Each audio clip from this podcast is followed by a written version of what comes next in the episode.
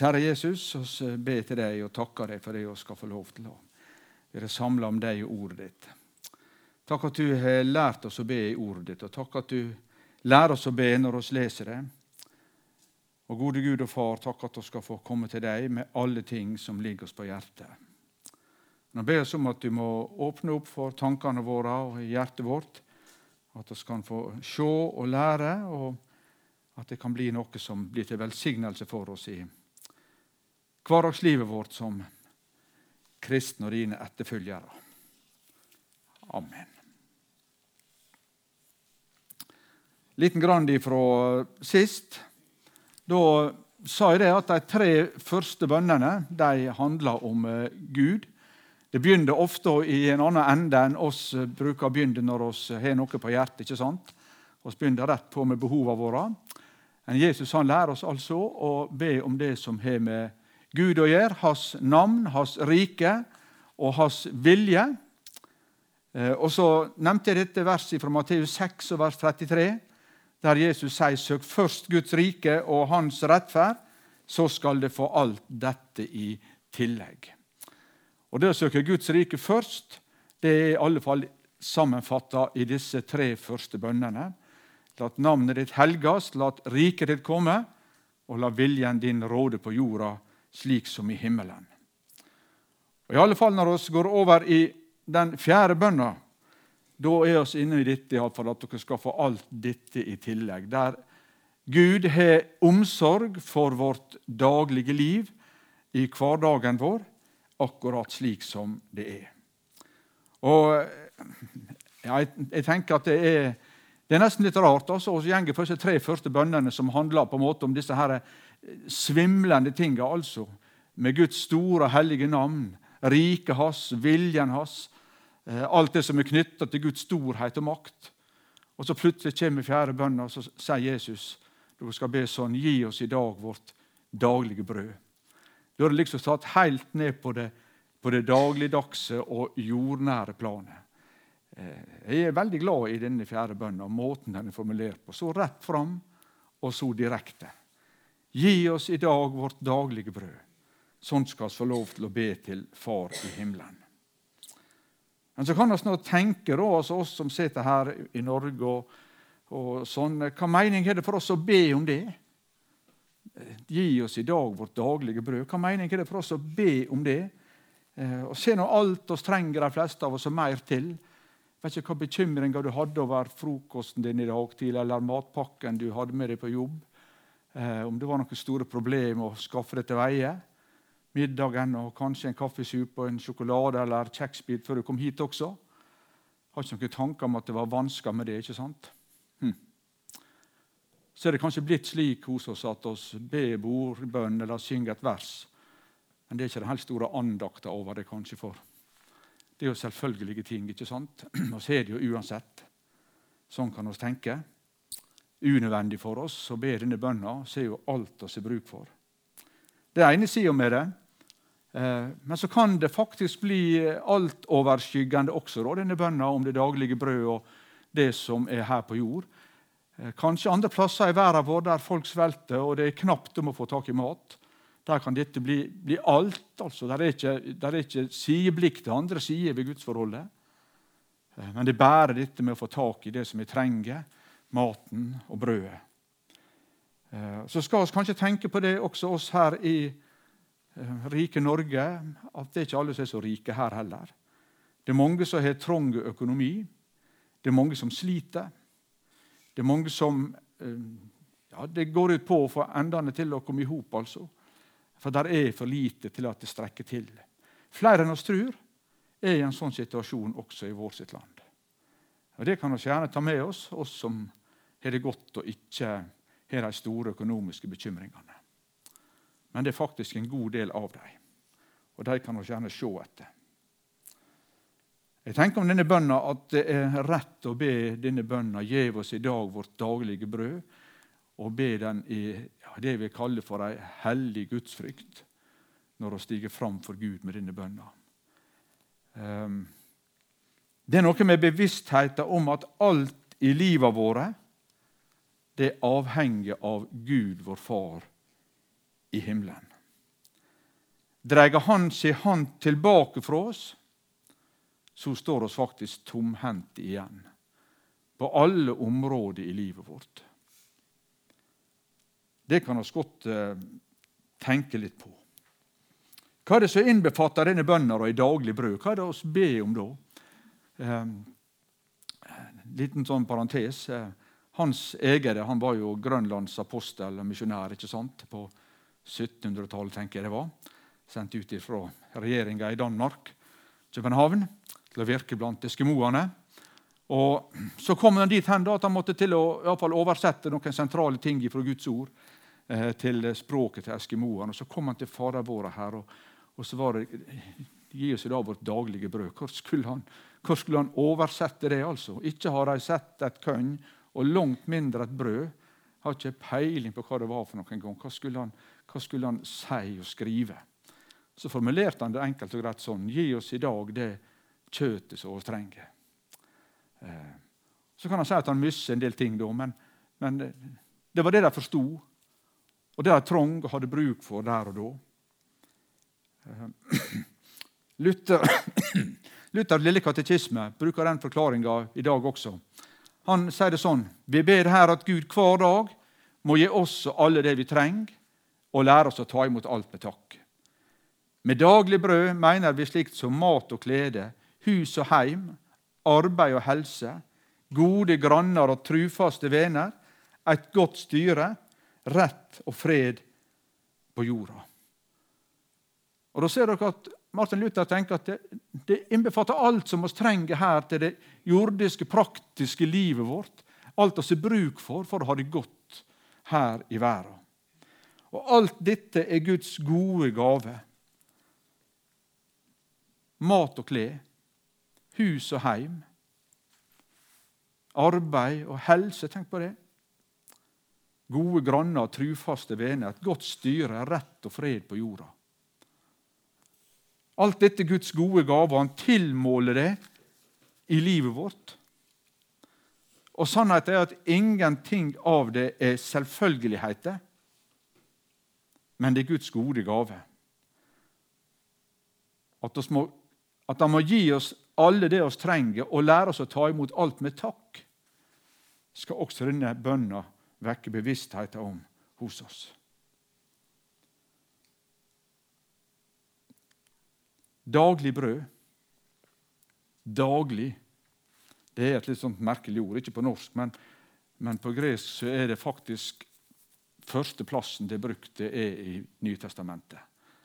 Et ord som er helt ukjent i verslig gresk. Første gangen det er brukt, det er her i Matteus og i Lukas i Fader vår. Ellers ingen andre plasser i Nye testamentet. Og så er det brukt videre etterpå selvfølgelig når de skal snakke om faren vår. dette her. Og Det har gjort at de som skal oversette og har greie på språket, og de har et stort problem med hva er det egentlig det betyr, dette ordet 'daglig'. Hva er det som ligger i det? I og med at det er bare her det er brukt. Og ellers er det ukjent. Og De fleste som har arbeidet med dette, de mener at det betyr noe sånt som brødet for neste dag. Altså brødet for i morgen. At de må få det. Og Da tenker jeg på dagarbeiderne, daglønnerne som vi leser om i Bibelen vår. i Nytestamentet, De som var nederst på rangstigen, som stilte arbeidskrafta si til disposisjon for den ene dagen, og som fikk lønna opp i hånda om kvelden. Og Så skriver Guds ord at du skal ikke holde tilbake igjen lønna til daglønneren om kvelden til neste dag. Han skal få den om kvelden, for det er alt som han har å leve av. Og Det som ligger i dette da daglig, og dette med daglønnens lønn, det er at han skal ha den om kvelden, slik at han skal kunne legge seg til å sove og være klar over det og sikker på det at i morgen når jeg står opp, så har jeg mat på bordet. Da har jeg brødet for dagen i morgen. Bekymringa blir tatt vekk for at i morgen da har jeg faktisk mat. For jeg har fått lønna mi i kveld. Skjønner dere?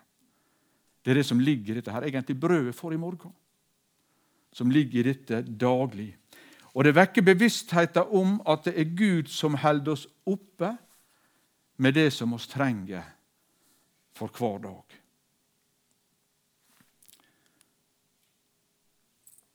så lærer Jesus oss å be sånn. Da gi oss i dag vårt daglige brød. I dag, hva, hva mener han med det? Hvorfor ikke i morgen eller for kommende uke eller for all framtid? Hvorfor lærer han oss å be gi oss i dag vårt daglige brød? Der er noe med dette altså at Herren vil at oss alltid, hver dag, skal være avhengig av Han. Så er det noe i oss, og i meg iallfall, som vil helst gi meg resten av livet det jeg trenger. Ikke sant? Gi meg resten av livet det jeg trenger. At jeg er sikker på at jeg har det, og vet at det er full kontroll helt fram både for meg og for mine. Så har han altså ikke lært oss å be sånn. Han har lært oss å be 'gi oss i dag'. Og i morgen så må jeg be igjen. Han gir oss aldri mer enn at oss alltid blir avhengige av Far i himmelen. For det ville bli til ulykke for oss hvis han gjorde det. Da har vi mist avhengigheten av Jesus, av Far, og så har vi kommet bort ifra ham. Eh, den rike bonden som vi leser med Lukas 12, vers 15-20. Jeg skal ikke lese det, men mange av dere kjenner den fortellinga. Han hadde fått sånn suksess med eh, avlinga si at løene var for små. Og han måtte, Hva skal jeg gjøre med alt dette her som jeg har? Jau, sa han, jeg bestemmer meg, jeg vil bygge nye løer. Større løer. Så gjorde han det, og han fylte oppi dem alle sammen. Og så sier han, sjel, nå har du mye godt liggende for mange ord. Nå kan du unne deg ro. Et, drikk og vær glad. Han var nådd dit som jeg og kanskje flere med meg ønsker nå. At vi er sikre på at nå trenger ikke, nå, nå er jeg kontroll på alt helt fram. Og så ble det sagt til han, i denne natt så krever ei sjela di av deg. Hvem skal da ha det du har samla i hus? Slik går det med den som samler seg gods og gull, og som ikke er rik i Gud.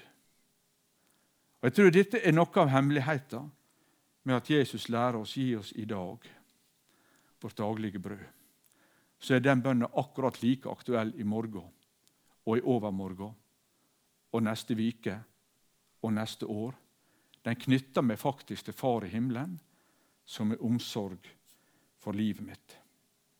Og skal han tenke på det med mannen i øydemarka også. Jeg tenker Kanskje noen av dere snakka om det i stad her. Jeg vet ikke. Der også. De skulle gå og plukke for dagen i dag. Ikke mer. De skulle fylle en omer bare vel per person. etter noe sånt. Og På sabbaten, dagen før sabbaten da kunne de gå og ta en ekstra. Men ellers ikke. Og De som gjorde det, opplevde at det gikk makk, og at den ble forderva, og de ikke kunne ete den. Hver dag så sørga Gud for dem. Og sånn vil han gjøre det for oss også.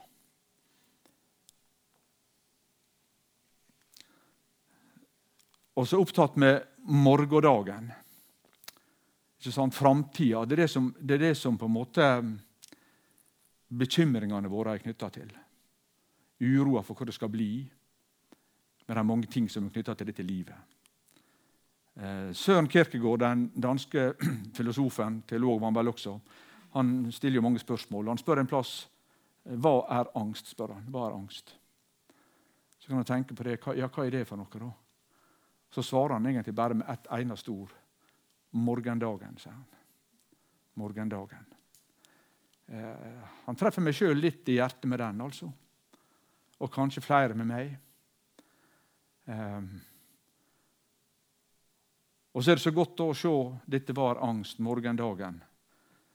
Og så tenke på at neimen, Jesus har lært meg å be. Gi oss i dag vårt daglige brød.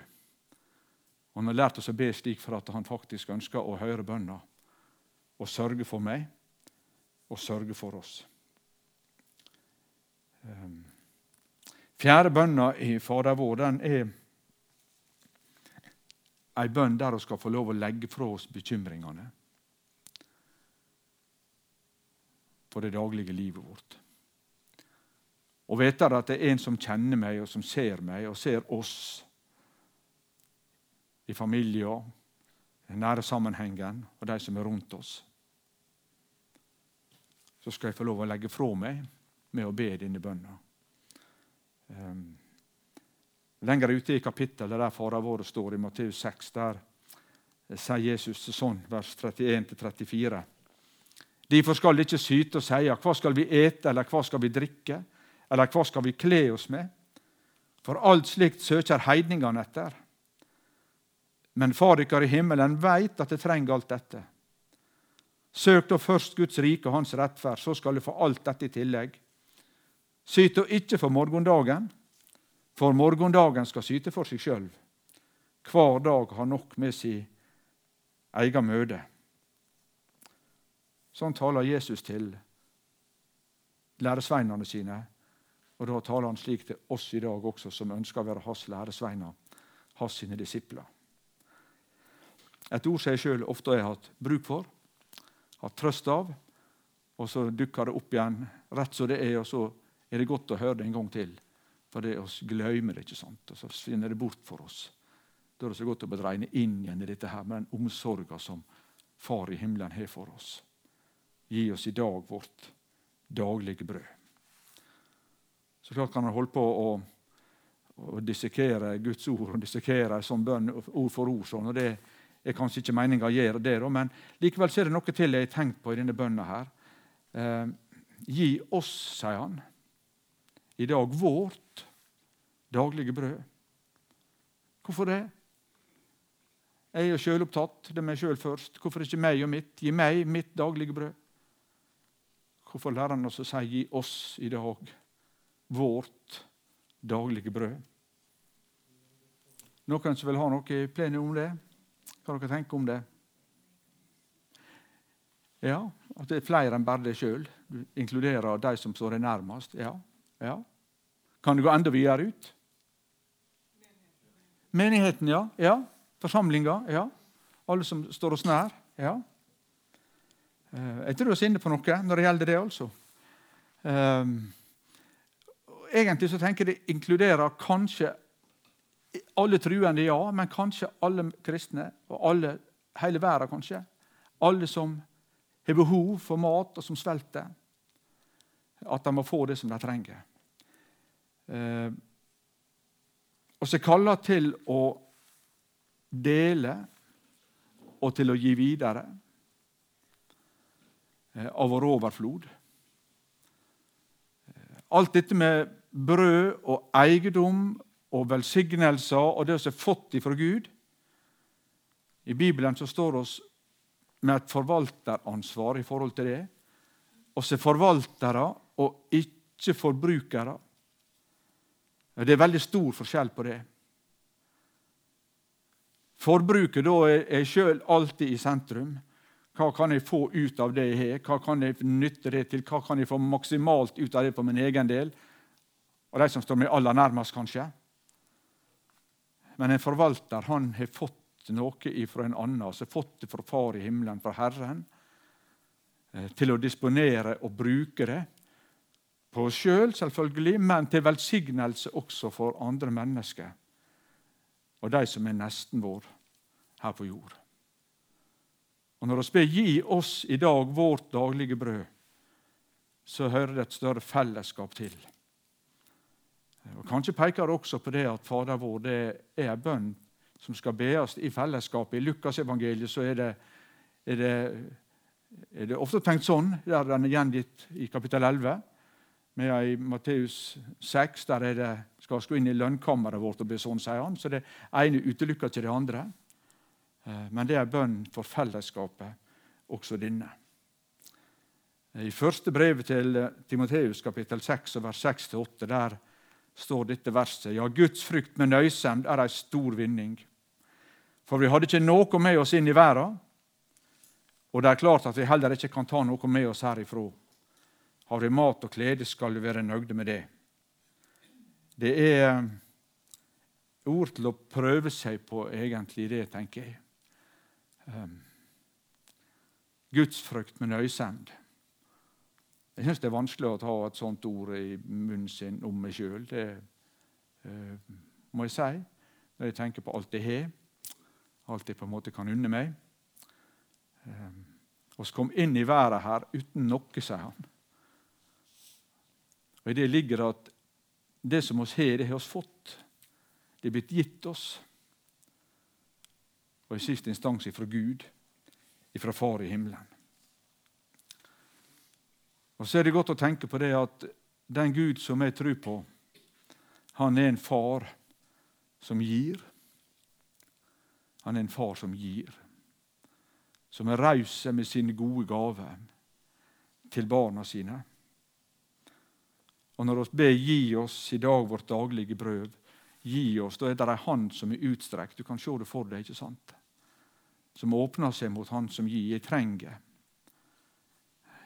Gi oss i dag vårt daglige brød. Den er retta mot Gud. Den er retta mot Far. Vi er faktisk avhengig av at det blir gitt oss. Vi må faktisk få det for å se det innerst inne ikke sjøl. Det er Guds nåde og Guds omsorg i livet vårt som Han tilskikka oss, sa de vel i gamle dager. Um, en liten historie. Jeg husker hun gamle tante Martha, tanta til mor mi, ute på Kvamsøya. Hun var svigerinna og bodde i lag i et gammelt hus der de fikk lov til å bo gratis, for de hadde ikke så mye å rutte med. Eh, og, og Martha, Tante Martha var et gudfryktig menneske som regna med Gud, og som ga oss i overflod. Så husker jeg kom inn på kjøkkenet der en, en formiddag. Og Da sitter hun, tante Martha attmed kjøkkenbenken og har dreid ut brødfjøla. Og Oppå der ligger det noe, ja, det er noe brød og noe få, få, få saker og ting hun har der. Og Så sier hun idet jeg kommer inn, ja, her sitter jeg og eter min beskikkede del, sa hun. Og Det er jo et uttrykk, men så kjenner jeg jo så godt at jeg vet at det, det lå faktisk noe bak det. altså. Selv om det så ringt ut for de fleste andre, det hun hadde å ete til formiddagsmat, så var jeg bevisst at det er en som sørger for hun har fått det fra Gud. faktisk. Det var de gode gavene fra Far i himmelen som hun har fått. Minner som jeg har tatt med meg, og som jeg ønsker skal være med og på en måte prege noe av mitt liv også. Så var tante Martha rause. Rause med misjonen hun var raus med andre mennesker. Hun ga penger til meg, selv om hun helt sikkert hadde trengt det bedre sjøl. Men hun sa hun åt sin beskikkede del, den hun hadde fått rekt ifra Far i himmelen, til opphold i sitt liv. Tenk ofte på det når jeg ber denne bønna. Gi oss i dag vårt daglige brød. Det skal lære oss takknemlighet.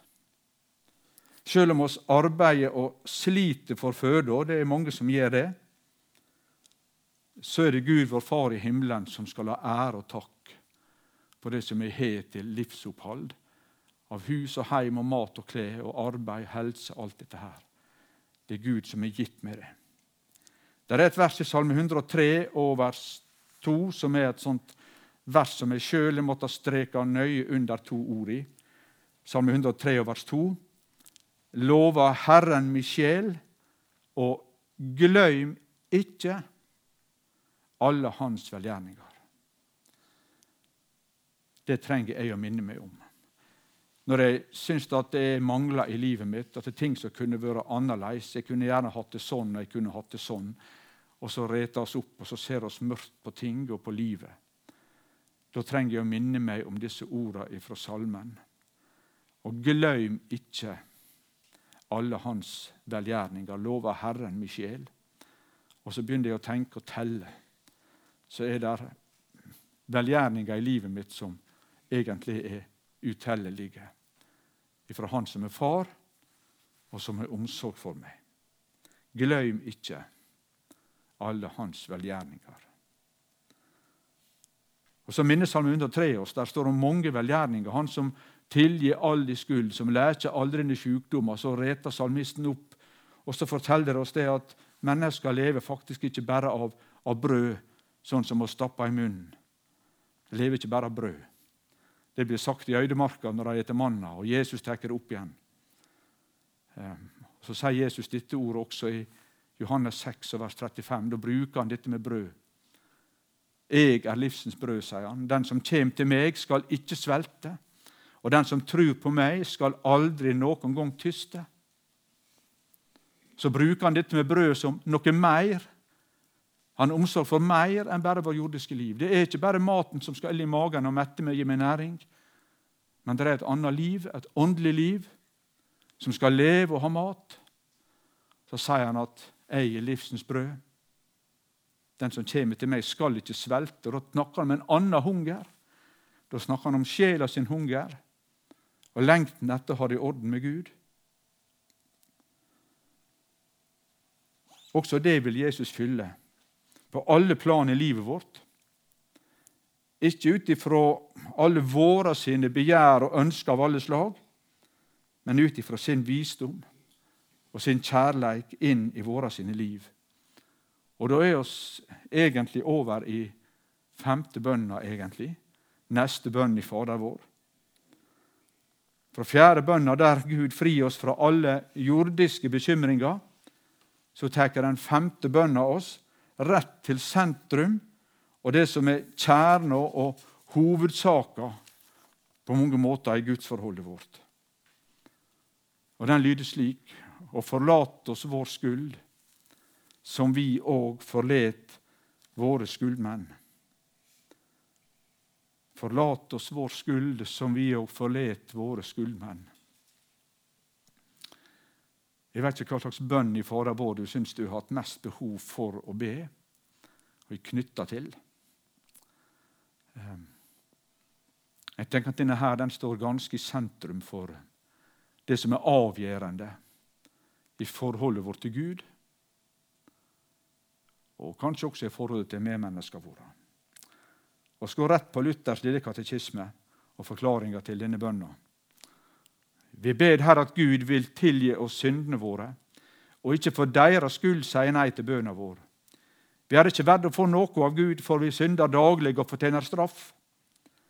Derfor ber vi at Han vil gi oss alt av nåde. Så vil vi òg av hjertet tilgi alle som synder mot oss, og gjøre godt mot dem. Jeg syns som vanlig når det gjelder katekisme, at det er veldig godt sagt. Få setninger summerer det opp hva som er vesentlig. Det sier noe om oss. Hvem vi eh, hvor det er stelt med oss, og så veien som Jesus har lært oss å gå for å få ordna opp i det.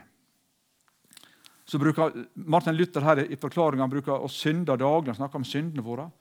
Men legg merke til at bønna, femte bønna den bruker ikke uttrykket synd, men den bruker uttrykket skyld og forlat oss vår skyld, som vi òg forlet våre skyldmenn. Og Det peker på noe som er viktig å få tak i, egentlig, og som er djupt bibelsk, og som peker inn i livet vårt og i forholdet vårt til Gud.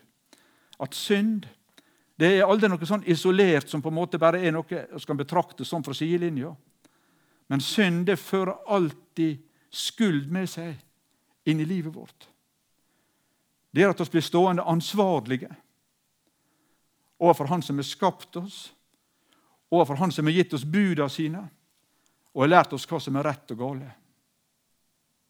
Og Det er viktig å få tak i. For det er det som gjør synd til et problem for oss i forholdet til Gud. Det er at det gjør oss skyldige. Og at vi står til ansvar for Han med livet vårt. Synd har alltid med Gud å gjøre. Selv om den er retta mot medmenneskene våre, så er det alltid et vertikalt forhold. At Gud er inne i bildet for oss som synder mot Han, også når vi synder mot hverandre.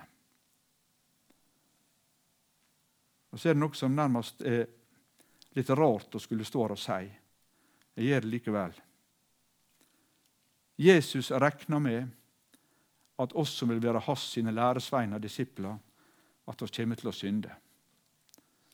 Han regner med det. Ja, Det er drygt å si, syns du? Ja, men han kjenner oss. Bibelen kaller han for vår bror. Han har prøvd i alt i likhet med oss, han uten synd. Men så kjenner han oss. Og Det er nettopp derfor han lærer oss å be denne bønna. Han har ikke gjort det hvis ikke han kjente oss og visste at det kommer til å skjære seg. Av og til. Kanskje ofte. Vi synder daglig og fortjener straff, sier Luther i Lille katekisme. ikke sant? Og målt med Guds lov og bud, så er det slik mer enn oss forstår.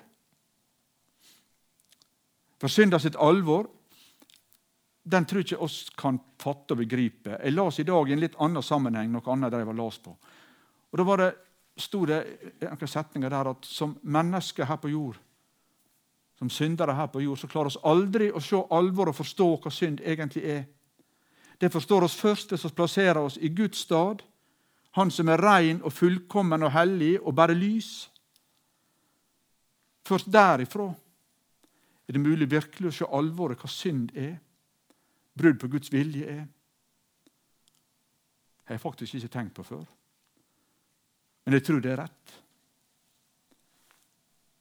Handlingene våre, ordene våre og hjertet vårt og det skjulte livet Gud han ser oss hver enkelt inn i det innerste. Og det dobbelte kjærlighetsbudet du skal elske Herren din Gud av hele ditt hjerte, av hele din hug, av alt ditt vet. Og så skal du elske nesten som deg sjøl.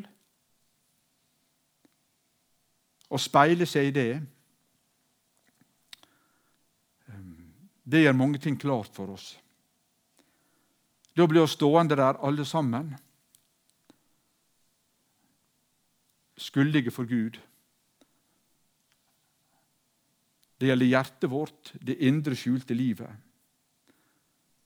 Dette kan vi skjule for hverandre, men overfor Gud så kan vi ikke dekke over dette med enkel kosmetikk og sminke som å smøre ut over noe. For Han ser oss tvers gjennom alt dette her.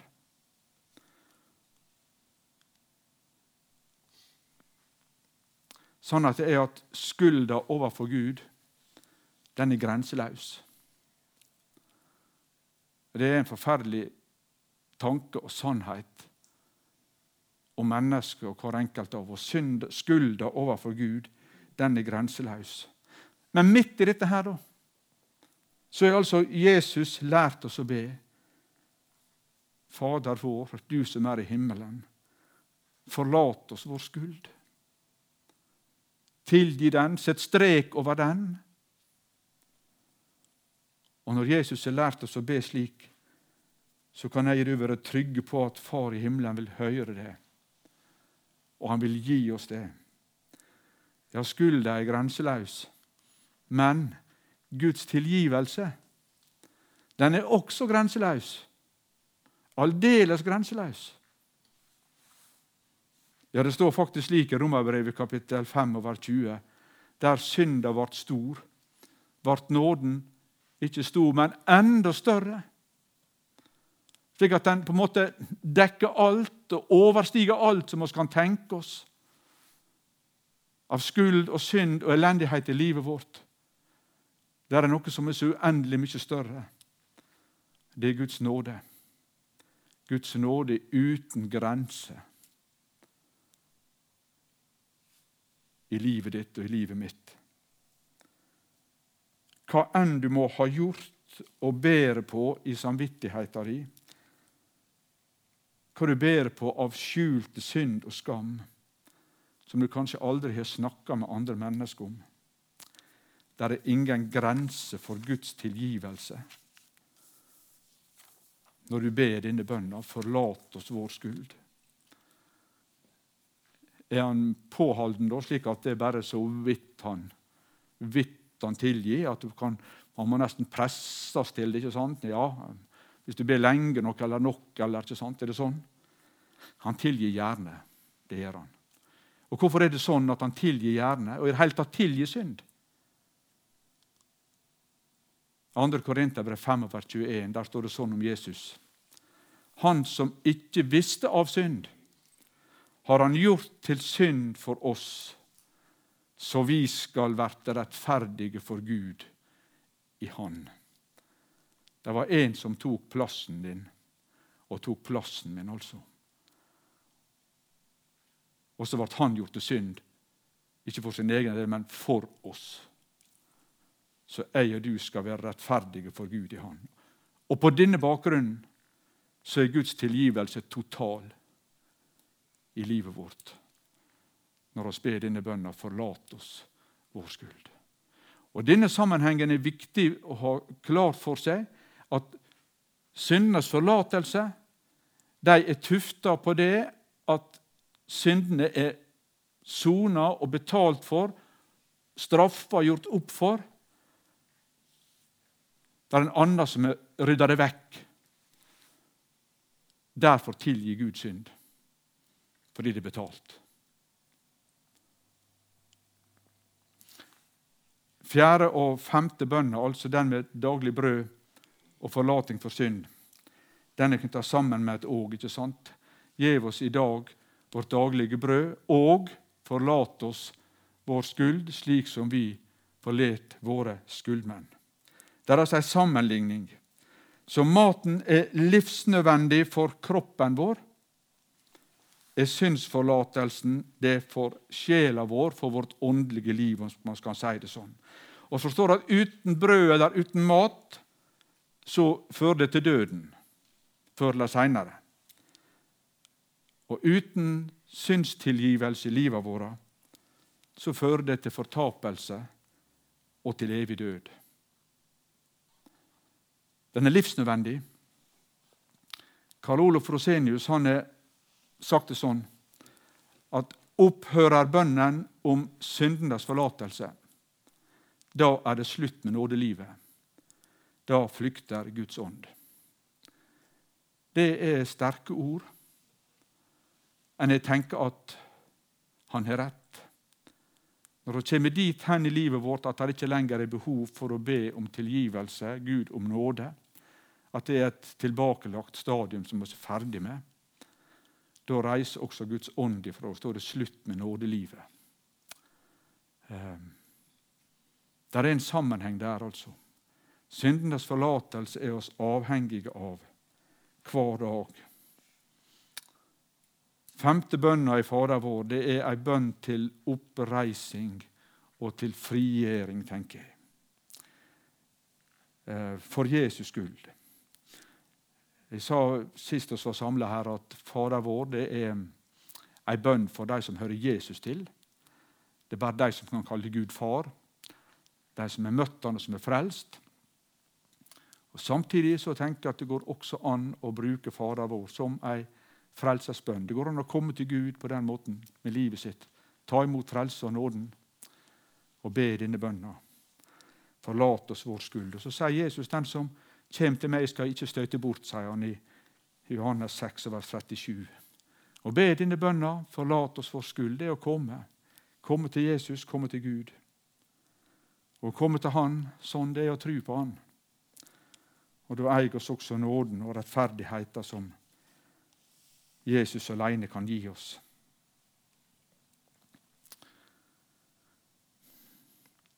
Hvordan er det da med dette her? Når vi synder i det daglige, for det gjør oss kanskje alle sammen, enten bevisst eller ubevisst. Er det slik at vi faller ut av nåden da? I alle fall til vi har fått eh, bedt om tilgivelse igjen og snakka med Gud om det? Er det slik at vi hopper inn og ut av nåden hele tida når vi eh, når oss synder og forgår oss? Jeg vet ikke om du tenker på sånne spørsmål, eller bare jeg sjøl som grubler på sånne ting. Eh, men dette her, altså, det er viktig å finne svar på for sin egen del. Det avgjør om vi skal eie frelsesvisshet og fred i hjerte og sinn, eller vi skal gå med uro og tvil Eh, for hvordan det er med oss. Det er helt nødvendig å finne svar på det. Ehm,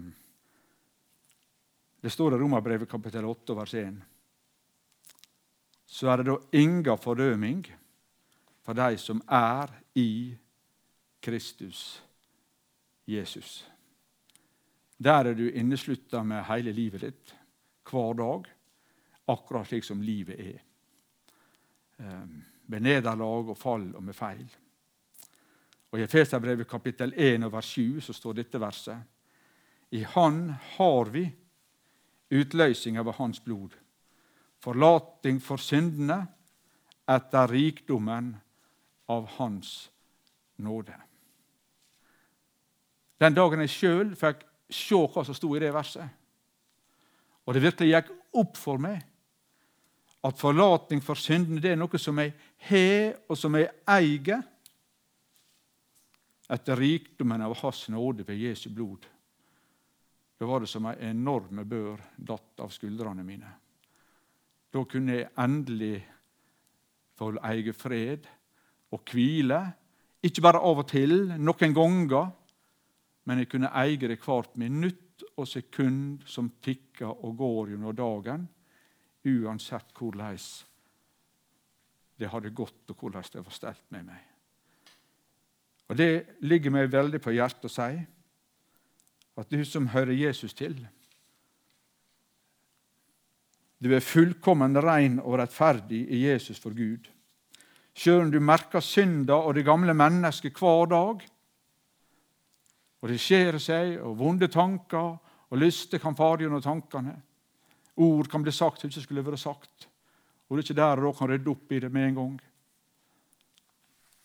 Du står i nåde hos Gud.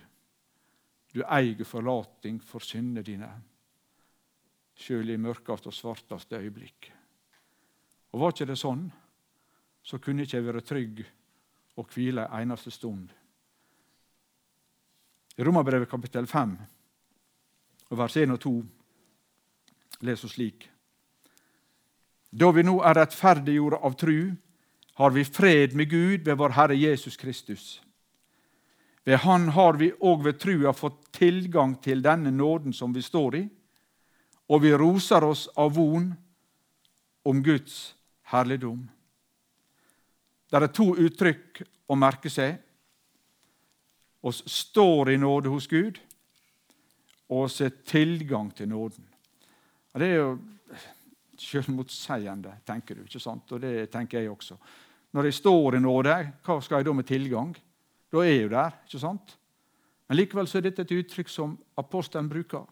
Og jeg tror han bruker det helt bevisst. Og står i nåde hos Gud, er omgitt av den. Det er en forfatter som synger slik at jeg får svømme i nådens hav. ikke sant? Fullstendig hvile, omgitt av Guds nåde, uansett hvordan det er med meg. Og Samtidig så er det en nåde som jeg har adgang til.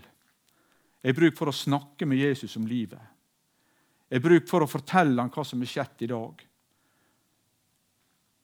Og jeg har bruk for å be om tilgivelse for det som er gjort feil, for det som er gått skeis. Og så er det et paradoks da, at jeg, at jeg har tilgang til noe som jeg står i, men jeg må bare få lov å stå der. For slik er det, altså.